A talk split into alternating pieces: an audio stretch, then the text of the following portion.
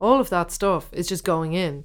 I mean, I look, I see it. I have a niece and nephew, and they just absorb it. It's in the water, and it's really difficult because, um, whether it's a Hollywood movie or whether whether it's like a children's book, all those messages about you know what who women are, who men are, um, are are there baked in. And I mean, and there's a huge discussion in new music at the moment about uh, and music in general about like how can we make it more inclusive? How can we try and come up to 50% or roughly equal um, you know representation between male and female identified artists?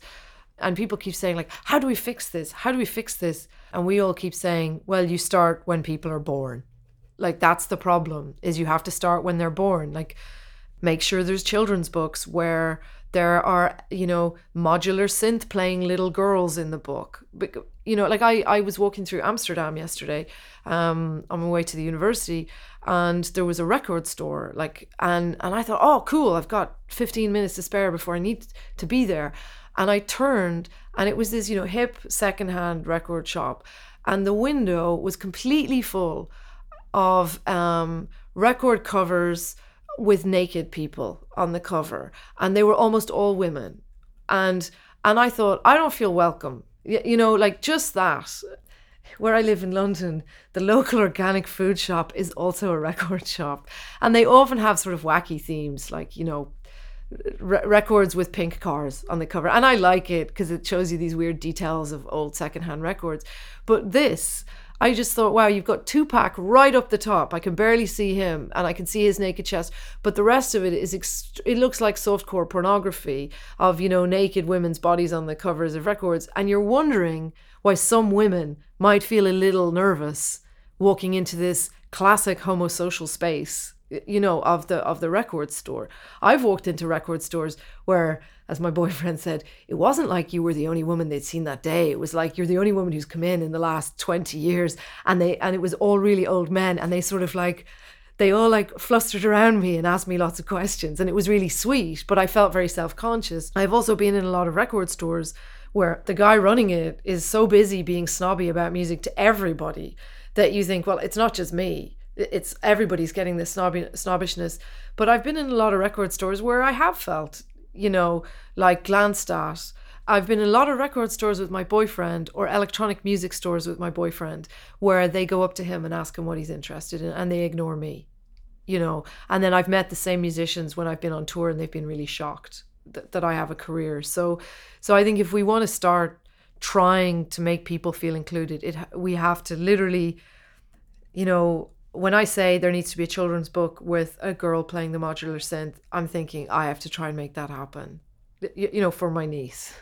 You know, in the same way that me and my partner sit with my niece and nephew and show them both like what an XLR cable is, you know, to try and to try and make them both like understand like we actually do. They they really like tools and plugging things in.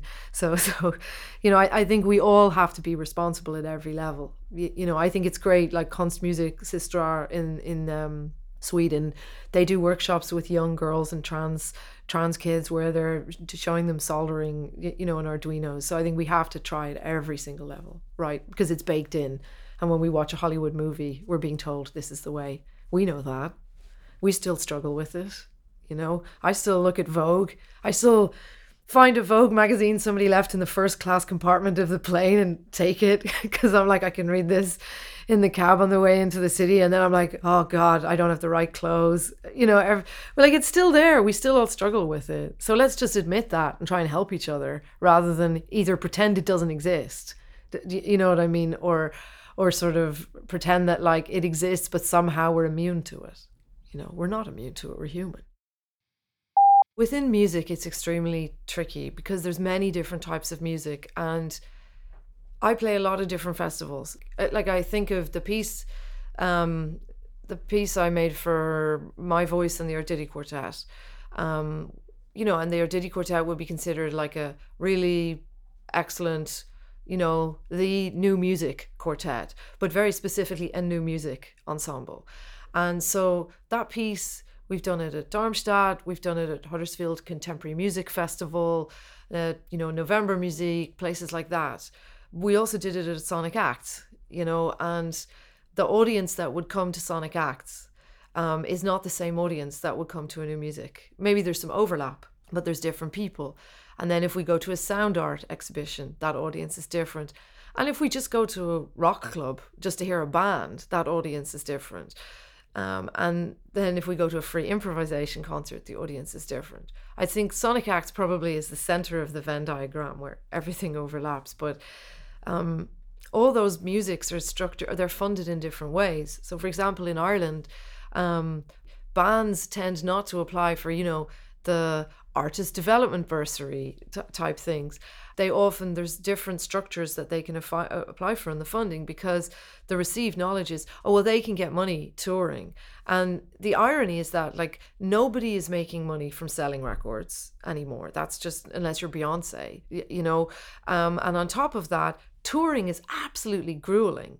And the fees that musicians would get for touring you know, classical musicians are often much better than the fees that a rock band would get.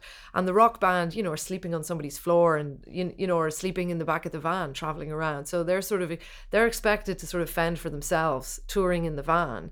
Um, whereas the, the classical musicians or the new music, new music musicians or even the free improvisers the jazz people can apply for funding to, to support that in some way there's certain musics which are not taught really at university so um, you know, you know, I teach composition and free improvisation, but it isn't so common, you know, for for a person to be a professor of free improvisation or something like that. So there's certain pathways that if you go down this pathway, you're more likely to get an academic position than somebody else, which means that I'll play Sonic Acts or I'll play um, you know, the the Onassis Center in Greece. I, am thinking just very specifically of this one Arditti piece you know um, and i will see different people who have different roots you know but i'll play one festival and then play a different festival. And i will see some people uh, uh, who at both festivals who have like a little bit more easy access to funding even though they think it's really difficult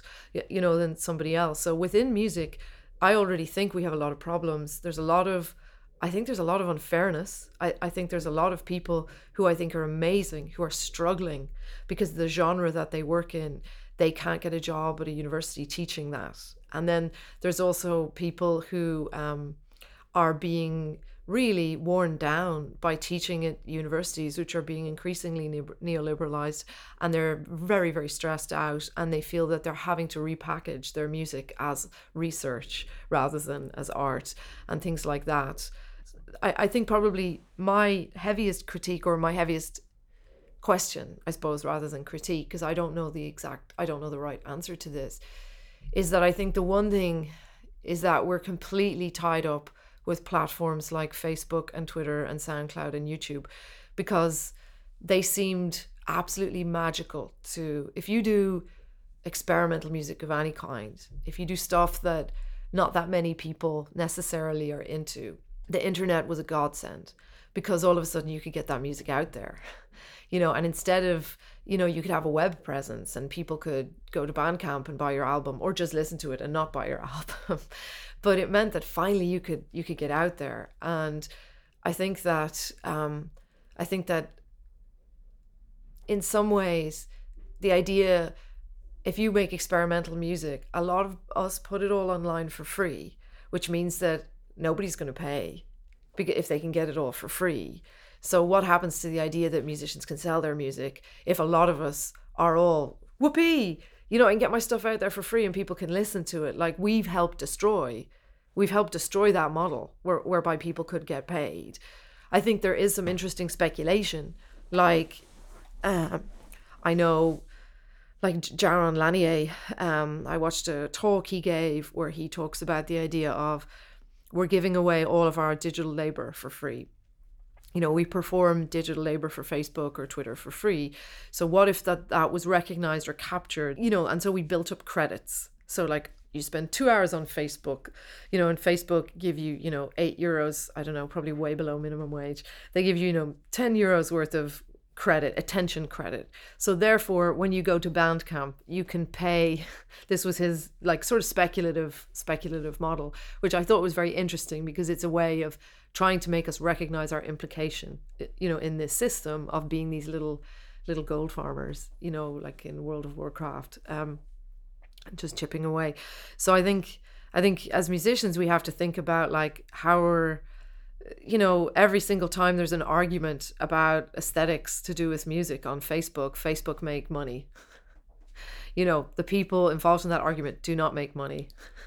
Um, and that argument is often confused with actual critique or confused with because it's presented in exactly it's presented by Facebook alongside a link from the New York Times and a link from the Denver Guardian, the completely invented, you know, fake news, totally fake news, you know, propaganda moment. Then there's an argument by people, and so people are very confused. What's real news? What's really, really proper fake news? Completely made up publication, and what's just people arguing. So I think. I, I sort of think it would be good to try and be reflect. I try to be reflective about these things um, and I think I, I, I still think that we're, you know, we, we need to sort of figure out how we've become complicit, how our love for what we do and our love, and I'm sort of paraphrasing Marina Warner in an essay that she wrote for the London Review of Books about the neoliberal academic. How does our love of what we do and our willingness to keep doing what we do for free sometimes or for far less money than we should be paid for it, and how's our our love of getting it out there that means that we'll happily provide content to the stacks for free. How does that make us more implicit in the neoliberal regime?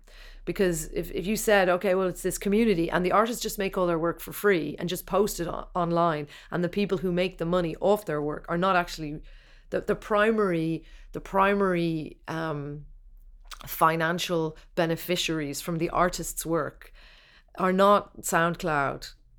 Sorry, are not the artists, but they're SoundCloud or Bandcamp or Spotify or you know YouTube. Um, you if, if you explained that model to people 20 years ago and said this is what will happen in the future, you'll make your work for free. Do, you know you'll put it up online and and and um and then these companies will benefit by selling the data to advertisers.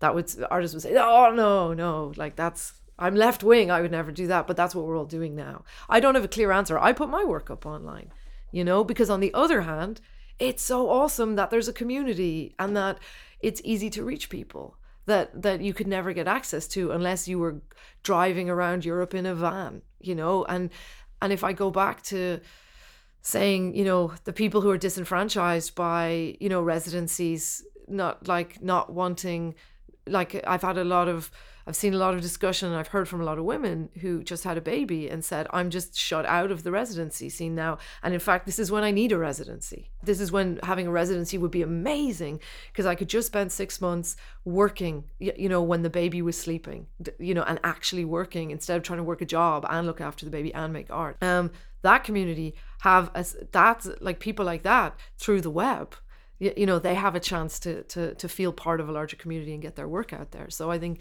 it's it's tricky. I, I don't know the correct answer, but it is something that I think about a lot. You know, every time we make our work for free and, and put it up and don't receive any benefit other than the vague notion of extending the personal brand. But what does sharing mean?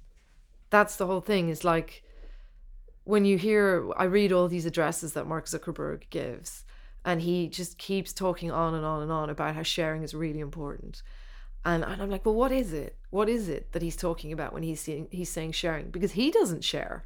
You, you know, he thinks it's amazing, but he's not doing it, you know? And and he keeps saying how important it is that people feel connected and, and that they do that by sharing. And you have to share. And in The Circle by Dave Eggers, in the book, he really gets down to this notion of how much labor is involved in sharing. There's this fantastic, like, one and a half page spread in the book where he's just talking about this person desperately trying to do as many interactions as they can. But what does it mean that we share? Like, who do we share it with? We don't even know with the Facebook algorithm who's actually seeing, you know, our information. So I, I think this this concept, on the one hand, it's it's fantastic when somebody you've never met before sends you a message and you think, oh, that's brilliant, that's really great. Um, but but it's but this notion of what sharing is and what it means, it's uh, it's different to sharing your lunch